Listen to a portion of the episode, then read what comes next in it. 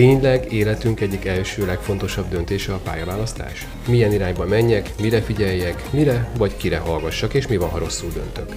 9 részes pályaorientációs podcast sorozatunkkal abban szeretnénk segíteni a döntés előtt állóknak és a szülőknek, hogy tisztállássák a külső és belső lehetőségeket, rálássanak arra, mi minden befolyásolja a választásainkat. Könnyen emészthető, áttekinthető képet szeretnénk nyújtani a képzési lehetőségekről és potenciális karrierutakról tematikus podcast sorozatunk szakmai együttműködő partnere a Pécs Baranyai Kereskedelmi és Iparkamara, és mai beszélgető partnerem pedig dr. Cseh Judit, munka, pálya, karriertanácsadó, tréner és business coach. Szia Judit, köszönöm, hogy eljöttél. Szia, üdvözlök mindenkit. Üm, ugye azt a címet adtad, adtuk, hogy a 21. századi munkaerőpiac és az ott elvárt új kompetenciák, ez egy olyan nagy merítés, és annyira aktuális és akut, ugye Eddig nagyon sokat beszélgettünk ebben a tematikus sorozatban a különböző szakmákról, hogyan lehet építkezni, mikor közép, általános iskolában, középiskolában már fiatal felnőttként, és akár mondjuk idősebb korban is bármilyen karrierváltás bejöhet. Én azt tapasztalom az életem során, hogy borzasztóan konfúzzá vált a, maga a, a munkavilága, mert, mert rendkívül széles merítések jelentek meg, teljesen más szakmák jelentek meg, régi szakmák eltűnnek, elképesztően felgyorsult. És így nagyon-nagyon nehéz döntéseket hozni sokszor, különösen mondjuk egy egész életre szóló terveket szövegetve. Így van, maximálisan egyetértek. Ettől függetlenül igyekeznünk kell átlátni, vagy megismerni azt a, területet, ahova végül is készülünk a pálya döntéseink során. Tehát mi abban hiszünk, és mindig azt szoktuk mondani, hogy a pályaorientációnak ugye három nagyon fontos lába van. Az önismeret, és ez az legfontosabb kiindulási pont. Erre épülően a pályák ismerete, mit ö, tudok az önismerethez ö, jól csatolni, miben tudom jól megtalálni magam, milyen képzési lehetőségek hogyan Mi az, ami hozzám közel Így van, de nem hagyhatjuk figyelmen kívül, jó esetben még a döntés előtt a munkaerőpiaci történéseket sem, bár akkor még azt gondoljuk, hogy távol vagyunk tőle, de mégiscsak oda készülünk, ott szeretnénk helytállni, minél hosszabb távon, minél eredményesebben. Tehát már itt a folyamatok elején azt gondolom, hogy nagyon hangsúlyos megnézni, hogy mi történik a munkavilágában, milyen keresleti, kínálati tényezők hogyan alakulnak, mi az a trend, tendencia, amihez akár már most tudok illeszkedni, és lehet, hogy akár sok-sok év, 8-10 év is eltelik a mostani döntésem és a munkerőpiacra való kikerülésem között, de azt gondolom, hogy mégiscsak a felelősségteljes, megalapozott, tudatos pályadöntés ez nagyon fontos. És akkor így érünk el ide, hogy akkor látjuk-e, hogy mi történik, vagy mi fog történni, és egyetértek, hogy egy, egy sokkal kiszámíthatatlanabb, rendkívül gyorsan változó, bizonytalan, összetett világról beszélünk. Ezt a szakma egyébként VUCA világnak is nevezi, ez egy angol mozaik szó, ami pont ennek a megfoghatatlanságát ragadja meg, és, és hát abból indul ki, hogy akár mennyire is nem biztos, hogy szeretjük, hogy ez így van, de hogy ez lesz az új normális, uh-huh. hogy csak a változás az állandó, és, és valószínű, hogy az lesz életképes, versenyképes, aki akár egyéni szinten, de nyilván ez igaz szervezeti szinten is le tudja követni ezeket a változásokat, és nagyon jól fog tudni illeszkedni, alkalmazkodni ahhoz, ami per pillanat történik. Mit szólsz, vagy mi a véleményed arról, hogy én is azt tapasztalom, és mi is szoktunk elég sokat írni róla, hogy az elmúlt időszakban, azért mondjuk a pandémia előtti időszakig, azért már érzékelhető volt egyfajta ilyen munkaerőpiaci változás, de gyakorlatilag a munkavállalók és a munkáltatók sem nagyon követték le, viszont a pandémia az ilyen kiúzanító pofonként felerősítette ezeket a folyamatokat. Abszolút igaz, gyakorlatilag egyik napról a másikra Igen. kellett meglépni azokat a folyamatokat, amiket esetleg már éreztünk, tudtunk is, csak halogattunk, és hát nem volt hova halogatni, gyakorlatilag létkérdésé vált, hogy vagy ebbe az újfajta munkarendbe mm, átlépünk, és, és nagyon gyorsan lereagáljuk, vagy, vagy totálisan elveszünk, megszűnünk, lemaradunk, hátrányba kerülünk. De ez most tulajdonképpen ráerősített arra a kérdéskörre is, amit itt mondtál, hogy itt a munkaerőpiacot is figyelni kell. Tehát, hogy én szerintem pont ez a pandémiás helyzet idézőjelbe tettem, mondom, nevelte rá a munkavállalókat és a munkáltatókat is, hogy uh, erre is figyelni kell, hiszen a megélhetésem forog kockán, hogyha én nem figyelem a tendenciákat nem? De igen, és hát utolért minket az, ami, ami valószínű már az előszobában volt egész pontosan, tehát hogy azok a akár technológiai változások, fejlődés, ami, ami most már elkerülhetetlen, hogyha itt a 21. század munkaerőpiacát nézzük, de azok az új munkaformák is, atipikus munkaformák, amelyek eddig sokkal kevéssé voltak jelen az életünkben, most meg szinte egyeduralkodóvá váltak, és hát igen, megtapasztaltuk ennek előnyeit, hátrányait, azt gondolom, hogy nagyon sokat lehetett tanulni ezekből, tehát a tanuló szervezetek legalábbis egész biztosan levonták azokat a konklúziókat, most, hogy itt már utána vagyunk, vagy talán remélhetjük, hogy Covid után vagyunk, és sokan gondolkodnak a hogyan továbban, megtartsuk, részben megtartsuk, felejtsük el, hogy mi, történt az elmúlt időszakban. De azt gondolom, hogy ezeket a, a folyamatokat, vagy konklúziókat egyéni szinten is érdemes levonni, tehát hogy mit tanultunk, hogyan alkalmazkodtunk egy ilyen teljesen felborult világrendhez, munkamódszerhez, és hogy akkor egyéni szinten hogyan tovább, mik, mik az új lehetőségek, kihívások. Egészen elképesztő egyébként, hogy amikor a home office-ról, illetve a távmunka, ugye az mást jelent, de hogy mind a kettőnél, amikor már, már azt hiszem talán a, a németek voltak az elsők, lehet, hogy nem fogunk tudni pontosan mondani, talán 2021 őszén, vagy, vagy lehet, hogy még korábban már meg is szavazták a munkavállalói jogok közé, felvették a home office-t, pontosan azért, hogy, hogy ez már kérhető, vagy hát jogosultság.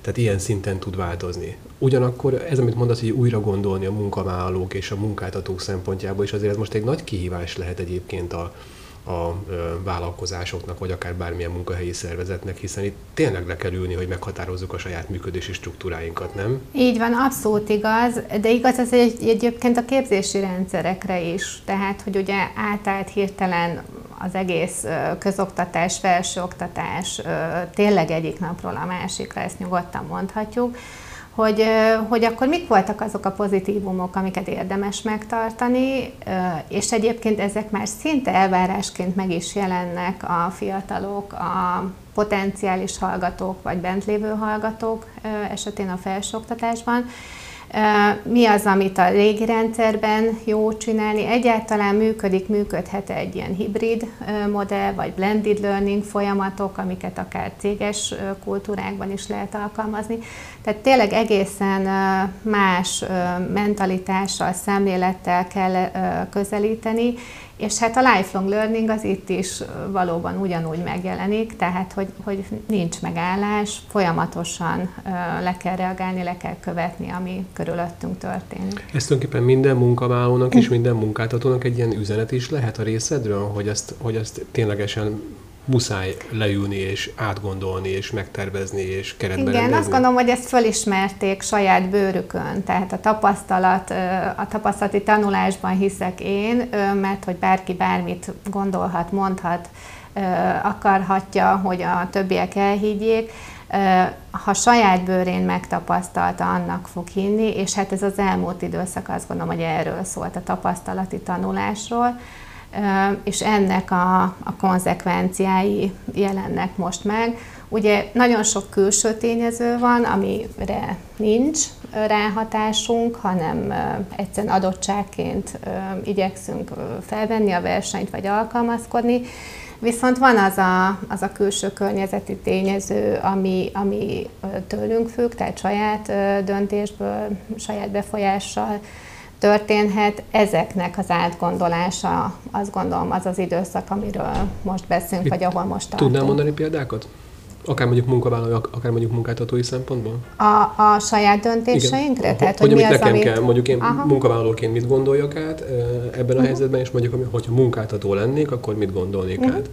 Hát munkavállalóként ugye valóban, hogyha megértük ennek a home office-nak a mm, jó-rossz oldalát, akkor érdemes átgondolni azt, hogy, hogy ez egy hosszú távon vállalható döntés, ugyanis most már azt látom, hogy nagyon sok területen megkapják a szabadságot a, a munkavállalók, tehát eldöntheti azt, hogy home office vagy irodai munka, esetleg ezt vegyesen alkalmazva, kinek mi volt jó, úgy itt a személyiségéből adódóan is van, aki már alig várta, hogy visszamehessen, és, és hiányoztak a kapcsolatok, hiányzott az, az a sok-sok interakció, amit ugye megélünk munka kapcsán.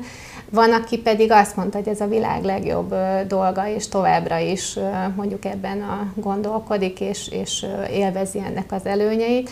Tehát, hogy ez egyetlen példa, és hát nyilván ennek a szervezeti kérdései, meg mondjuk a munkáltató szempontjából, azt gondolom, hogy itt a legtöbb ilyen kérdés ezen a mesdjén zajlik most, hogy akkor hogy ezt hogyan szabályozzuk, illetve milyen formában működjünk tovább.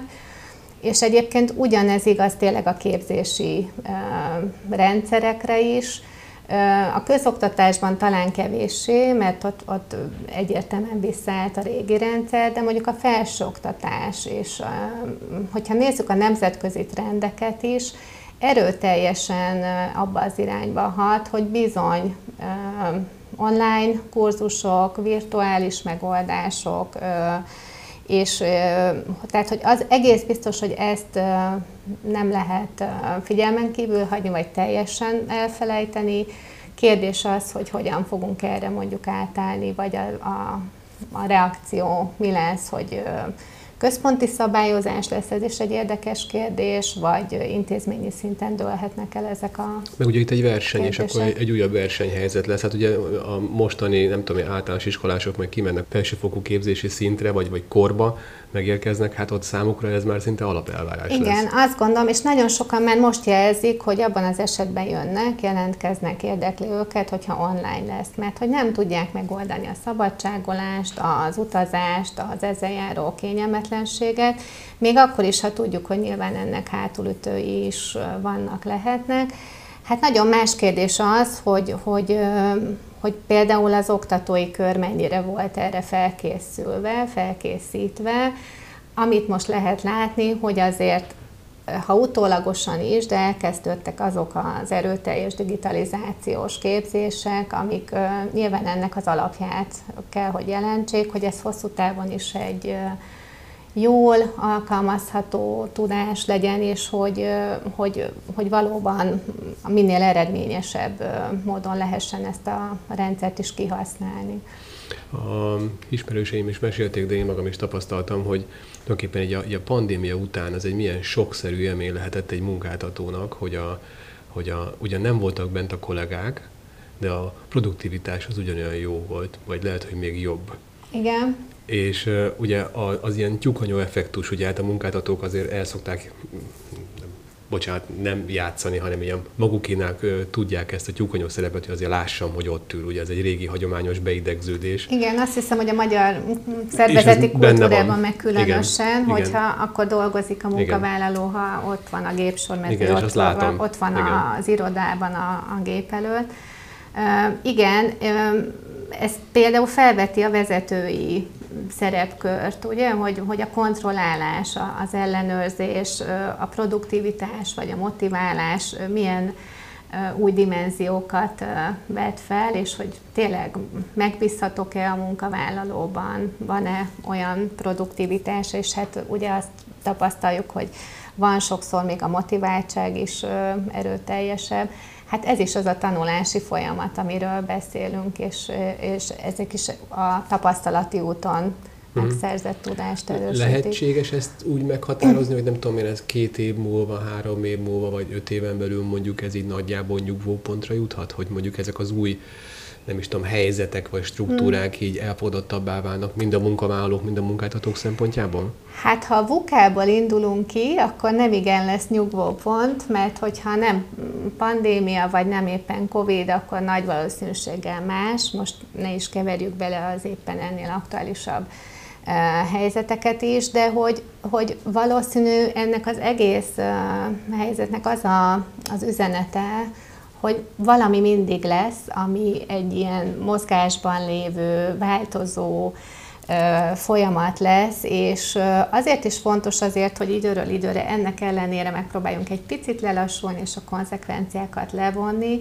hogy, hogy a még újabb helyzetekhez is tudjunk alkalmazkodni, de hogyha nemzetközi trendeket is nézünk, ugye sok esetben ott előbb zajlanak le folyamatok, mi csak így utólagosan időben átolva látjuk ezeket, vagy tapasztaljuk, tehát hogy, hogy azt látni, hogy, hogy, hogy folyamatosan fog itt minden változni, kevéssé számíthatunk nyugvópontokra, tehát tényleg csak a változás az állandó, és hogy ezt kell új normálisnak tekinteni, erről is szól egyébként ez a, a munka új világa gondolkodás, hogy, hogy akkor gondolkodunk jól, hogyha ezt tekintjük alapfelállásnak, és ehhez próbáljuk a rendszereinket úgy illeszteni, hogy, hogy, hogy a globalizációt, a digitalizációt maximálisan alapul véve átstruktúráljuk magunkat, tehát nem működnek már a régi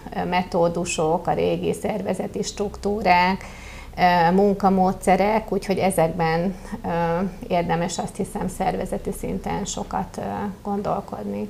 No, hát nézzük a szakmákat. Ha már a digitalizációról volt szó, ugye ez a mesterséges intelligencia, de egyébként is ezt a robotizációt is idehozhatjuk. Igen. Amikor először, nem tudom hány évvel ezelőtt, jó néhány évvel ezelőtt megjelentek az első olyan porszívók, amik így maguktól feltakarították. Ez már előre vetítette azt, hogy lehetnek olyan szakmák adott esetben, amik ö, megszűnhetnek. Nem tudom, ezt így ki lehet-e mondani. Lehetnek ilyenek? Ki, abszolút. Ezek sajnos tények, vagy hogy sajnos, hát nyilván egyéni konzekvenciák szintjén sok esetben ez egy negatív dolog lehet, de hát el kell fogadnunk, hogy a világ ez irányba tart, és egyébként mindig is voltak kihalt szakmák, tehát hogy az idő változásával nyilván szükségtelenné válhattak, de azt gondolom, hogy ez most felerősödik, felgyorsul, és valóban a, a robotizáció, digitalizáció, automatizáció, mesterséges intelligencia, sorolhatnánk azok a folyamatok, amelyekkel manapság már szembesülünk, ezek nagyon sok szakmát irrelevánsá, szükségtelenné tesznek, mint ahogy az elején említettem, olyan is lehet, hogy nagyon sok szakmát megtartanak, de, de új módszerekben átalakítanak, más kompetenciákkal fogunk ezekben gondolkodni, és hát valóban lesz olyan, amelyek, amelyek teljesen megszűnnek. Uh-huh. Ja, ezt mondtam. Ha, amelyeket viszont teljesen újként fognak, fogunk megtapasztalni, létrehozni. Tehát ma még nem is tudunk róluk. Uh-huh. A szakterületnek van egy ilyen jövőkutatási tendenciája, ahol például a jövő szakmáit kutatják, de hozzáteszem, hogy ezek nem a nagyon távoli 50 év múlvai időszakról hát szólnak, futurisztikus jövőről, hanem a 8-10 év múlváról, tehát amikor még mi is bőven a munkaerőpiacon leszünk, nem hogy a fiatalok, és hát nagyon izgalmas, hogy a mostani trendekből, tendenciákból mi látszik. És, és hogyha egy-két ilyen szakmát csak érdekességképpen felcsillanthatok, mert hogy jó kis tanulmányok vannak már ezzel kapcsolatban, különböző gyűjtéseket lehet találni, de hogy például a vertikális gazdálkodás, vertikális farmer, ugye, ami itt a, a népességnövekedésből adódó a föld ellátóképességéből adódó korlátokra egyfajta válasz lehet. A föld eltartó képességet, tehát a rendelkezésre álló területeink nem fognak növekedni, vagy nem olyan mértékben, ami itt mondjuk az emberiség növekedése indukálna, tehát hogy mit fogunk enni, miből uh-huh. fogunk jól lakni, és például erre lehet a vertikális gazdálkodás egy válasz, tehát hogy ugyanazon az egy négyzetméteren, csak függőlegesen, ezt uh-huh. megsokszorozva uh-huh. tudunk akár felhőkarcolók tetején, uh, oh, nyilván erre speciálisan uh, kidolgozott vagy kimunkált uh, növényekből, vagy feltételezem ehhez azért más magok is kellenek, tehát hogy ez itt megint egy picit már más területeket is bevonz, de hogy hogy, hogy tudunk tényleg mondjuk a, a téradottságait egész máshogy kihasználni, ez egy ilyen érdekesség, de hogy időbrókerről is beszélünk, mert hogy azt látjuk, hogy az idő egyre értékesebb mindannyiunk életében, nem véletlenül beszélünk időgazdálkodásról, menedzsmentről, szeretnénk minél jobban kihasználni azt a rendelkezésre álló napi 24 órát, és hogy akár az idő, mint pénz nem is megjelenhet, szó szerint tőzsdei folyamatokban, és mondjuk aki látta a Lopott idő című filmet, annak ez már talán nem is annyira új, hogy, hogy milyen új dimenziókat nyithat a, a jövő. De hogy ismerjük, látjuk, és sajnos a fiatalok különösen fogékonyak arra, hogy, hogy rengeteg kütyüt használnak, vagy ha egy kütyüt használnak, akkor azt nagyon hosszú, hosszan tudják tenni, és hát bizony ennek is ezt a, a függőségét úgynevezett digitális detox terapeuták fogják majd talán a jövőben kezelni, ami egy speciális szakterület megint, vagy kriptovaluta tanácsadó, mert hogy ugye ismerjük, már most jelen vannak ennek gyakorlatilag az előzményei a munkaerőpiacon. Tehát sok-sok ilyen példa, amelyek most még tényleg futurisztikusan hangzanak, de hogy itt vannak gyakorlatilag már a, az előszobánkban. Tudunk még ilyeneket mondani? Ezek nagyon érdekesek voltak. Van, van ilyen meditésed? Már csak azért is, hogy én is mit csináljak, vagy nem tudom, milyen 65 Igen, éves koromban. Bár, ugye ennek is előzménye az lenne, hogy akkor önismereti szinten menjünk egy kicsit előrébb, hogy mik lehetnek azok, amik egyáltalán itt fölmerülhetnek, de például a nanotechnológiával, tehát az orvostudomány fejlődésével is rengeteg olyan szakterület, vagy a klónozásnak az etikai kérdései, vagy például a, a klímaváltozással kapcsolatos, azt visszafordító ö, szakembereknek a képzése, vagy, vagy egyáltalán megjelenése. Nagyon érdekes például 2010-es tanulmányokban már emlegettek karanténfelügyelőt. Amikor még réges-rég nem tudott senki, nem beszélt semmit a Covid-ról, ezt se tudtuk képzelni, hogy ilyen világméretű folyamatok fognak a mi életünkben is konkrétan megjelenni. Hát igen, de akkor a 2000-es években már ott volt az ebola, ami ugyan nem gyűrűzött be, de az egy elég igen, súlyos... Igen, ez, ez a globalizációnak hát betudható, igen, tehát hogy nincsenek már lokális fertőzések, bármi megjelenik Afrikában, az két napon belül nagy valószínűséggel valahol Európában is már felüti a fejét. És hát például ebben az esetben is, hogyha lett volna egy karantén felügyeleti rendszer, nem tudhatjuk, persze ez egy vízió, vagy hipotetikus feltevés, de hogy, hogy, hogy lehet, hogy, hogy meg lehetett volna ezt a vírust ott Kínában állítani, és, és nyilván ennek a nagyon sok hátrányos konzekvenciáját ö, ö, meg tudtuk volna úszni, hogyha ez a fajta szakterület mondjuk már áll olyan szinten. Azt gondolom, hogy például ez egész biztosan hirtelen fókuszba került, és hát sajnos ma már mindannyian tudjuk, hogy mi az a karantén. Így, így válnak egyik napról a másikra a szakmák például szükségessé. Mik azok, amik esetleg megszűnhetnek, ha lehet erről konkrétan beszélni? Um, meg lehet-e jósolni? Um, igen, um, és itt most a jóslást a szó módszertan értelmében, mert hogy, hogy tényleg ezek nem varázsgömből mondott folyamatok.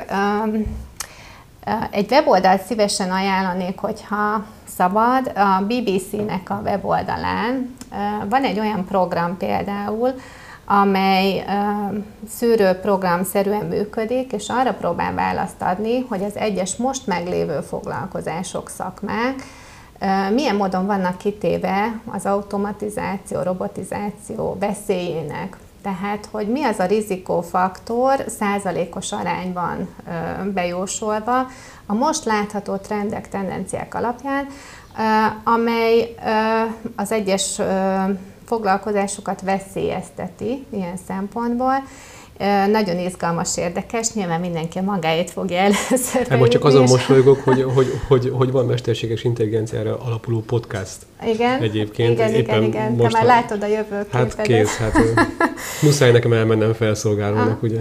És akkor, hogyha ha ezt így beütjük, akkor, akkor megjelenik ennek a mm, százalékos aránya, és hogyha már nyilván a pályaorientáció erősítünk rá, és azt mondjuk, hogy valaminek mondjuk 80% felett, vagy a körül van a rizikófaktora arra nézve, hogy ez tényleg belátható éveken belül nem személyi vagy humán erőforrás, hanem valamilyen gép automatizáció fogja megoldani, akkor nem azt gondolom, hogy első körben azonnal mondjunk le róla, de mint opcióval, mint alternatívával számoljunk, hogy, hogy érdemes ebbe úgy fektetni, nyilván sok időt, energiát jelent uh, végigmenni egy, egy karrier folyamaton, tehát hogy megérje nekünk az, holott már most látjuk a, a veszélyét, hogy mikor esetleg mi odaérünk a munkaerőpiacra, vagy már esetleg most ott vagyunk, hogy hogy kezdjünk el most gondolkodni, képezni magunkat, pici más területeket is akár figyelembe véve, hogy, hogy ez hogy ez ne lepjen meg minket, mert hogy ez előbb vagy utóbb, de inkább előbb, uh-huh. mert hogy tényleg egy gyorsan változó világban ilyen utol fog érni minket. Uh-huh. Egyébként pedig ugye kérdezted, hogy, hogy kihalt szakmák, hát ma már kb. megmosolyogjuk, hogy telefonközpontban kezelő dolgoztak, vagy a klasszikus gépírónői tevékenység, vagy nyomdai betűszedő tevékenység. Ugye ezek teljes mértékben már egyértelműen automatikusan működnek, nem kell már liftkezelő, vagy, vagy kerékgyártó, nem tudom, időben hosszan lehetne visszamenni de ahogy említettem is, az látható, hogy ez a, ez a felsorolás így nagyon gyorsan bővülni tud, és, és sok szakma, szakterület ki van téve ennek a, a veszélyének. Mm. Így az új trendek, vagy a mostani ismert, lekövetett trendek alapján lehet azt mondani, hogy a munkavállalóknak érdemes minél több képzettséget megszerezni, akár kisebbeket, vagy rövidebbeket, akár hosszabbakat, akár egy, egy online tanfolyamot, ami egy speciális tudást ad, akár egy másik diplomát, ha úgy tetszik? Um, én nem is feltétlenül a papírokban, oklevelekben, diplomákban gondolkodnék, hanem kompetenciákban, képességekben. Tehát a minél több, az inkább az ő személyes hatékonyságát, működését erősítse, mert hogy nem biztos, hogy egy papírral több, akkor bármivel több lettem tudásban, kompetenciában, nyilván szerencsés esetben igen, de hogy alapvetően a fő cél az inkább az én gondolkodásomban az lehet, hogy, hogy magamat úgy megerősíteni, és ennek igen része a, a lifelong learning, tehát az élethosszig tartó tanulás, de ennek nem egyetlen módja feltétlenül mindig az iskola rendszerű képzés, tehát ez lehet nonformálisan, informálisan, tehát önállóan, és, és azt gondolom, hogy igen, tehát hogy fel kell készülni ezekre a változásokra, erősíteni azt a azt az én képet, vagy egyáltalán az önismeretet, ami alapja ennek az egész folyamatnak, és, és azt lehet látni egyébként, hogy, hogy nem a tudás, tudás alapú társadalmakat emlegettünk természetes, de hogy ha a személyi konzekvenciáit nézzük ennek, nem fogjuk tudni felvenni a versenyt egyetlen szoftverrel, applikációval, programmal sem, lexikális tudásban, vagy kognitív ismeretekben.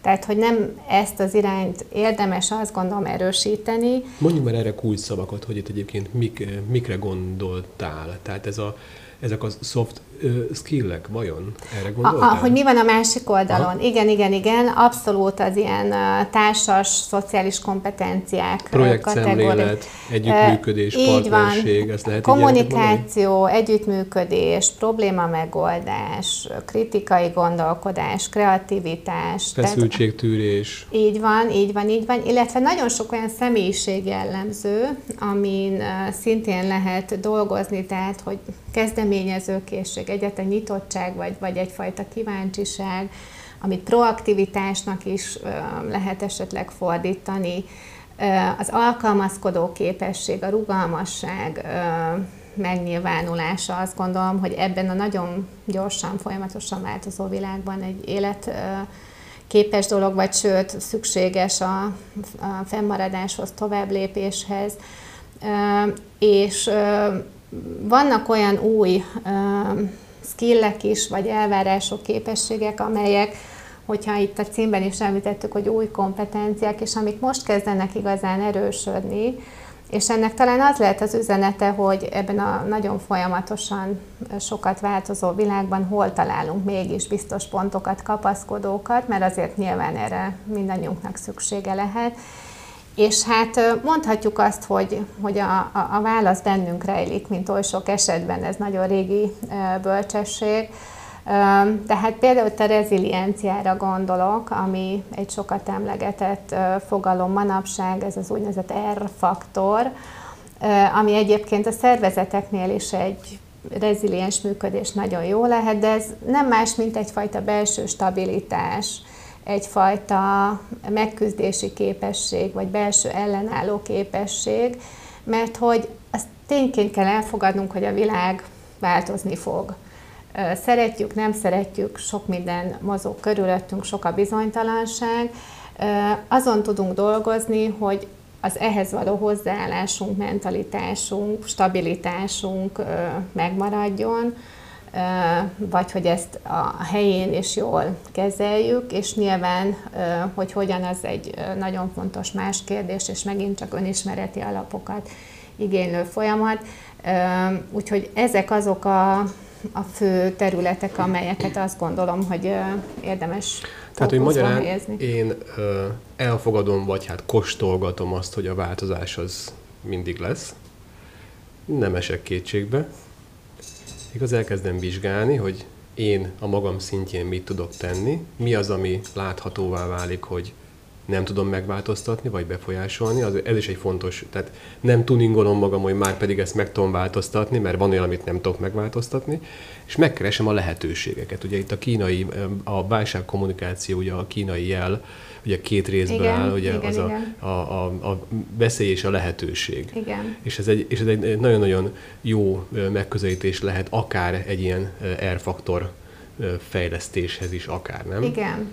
Egyébként coachingban is nagyon sokszor tapasztalom azt, hogy rendkívül sok energiát visz el, hogy olyan dolgokon pörgünk, amire gyakorlatilag nincs is ráhatásunk. Tehát ö, ö, Nyilván ez egyéni hatékonyságot romboló tényező, de hogy hosszú távon akár ez is vezethet kiégéshez, motiválatlansághoz, hogy mindig falakba ütközünk, hogy, hogy, hogy mindig okolunk valami tőlünk független. De hogy, hogy mi van a másik oldalon, azt meg sokszor észre se vesszük, mert van egy ilyen tanult tehetetlenség is sok esetben bennünk. Az biztos, hogy, hogy, hogy sokkal jobban szeretjük a biztonságot, szükségünk van kapaszkodókra, a, a bizonytalan, meg a mindig változó, az bennünket is elbizonytalanít. De azért kell pontosan ez a szemléletváltás, ami nyilván nem könnyű, és nem megy egyik napról a másikra, mint ahogy egy rendszer átállhat egyik napról a másikra, hogy, de hogy pont ez az üzenet, hogy ezen kell dolgozni, és ezen lehet dolgozni, mert hogy mindannyiunknak lehet jó megküzdési uh-huh. képessége, vagy lelki stabilitása, uh-huh. és azt gondolom, hogy ez is a kulcs, hogy, hogy, hogy a válság vagy kríziskezelésben is nem a kétségbeesés, vagy a, a, a veszély meglátása, vagy annak az elkerülhetetlen megélése, hanem, hanem a potenciál, a kihívás, a lehetőség. Oké, okay, akkor egy picit összefoglalva a munkaerőpiac az biztos, hogy változni fog, sokat kell tanulni, de nem biztos, hogy úgy, ahogyan régen tettük.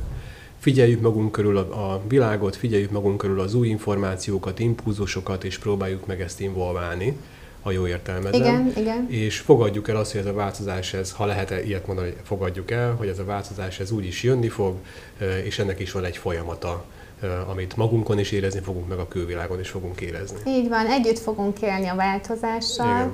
Hogy ezt Szeretjük hogyan tesszük, hogy ezt hogyan tesszük, az, az rajtunk múlik, igen. Oké, okay, okay.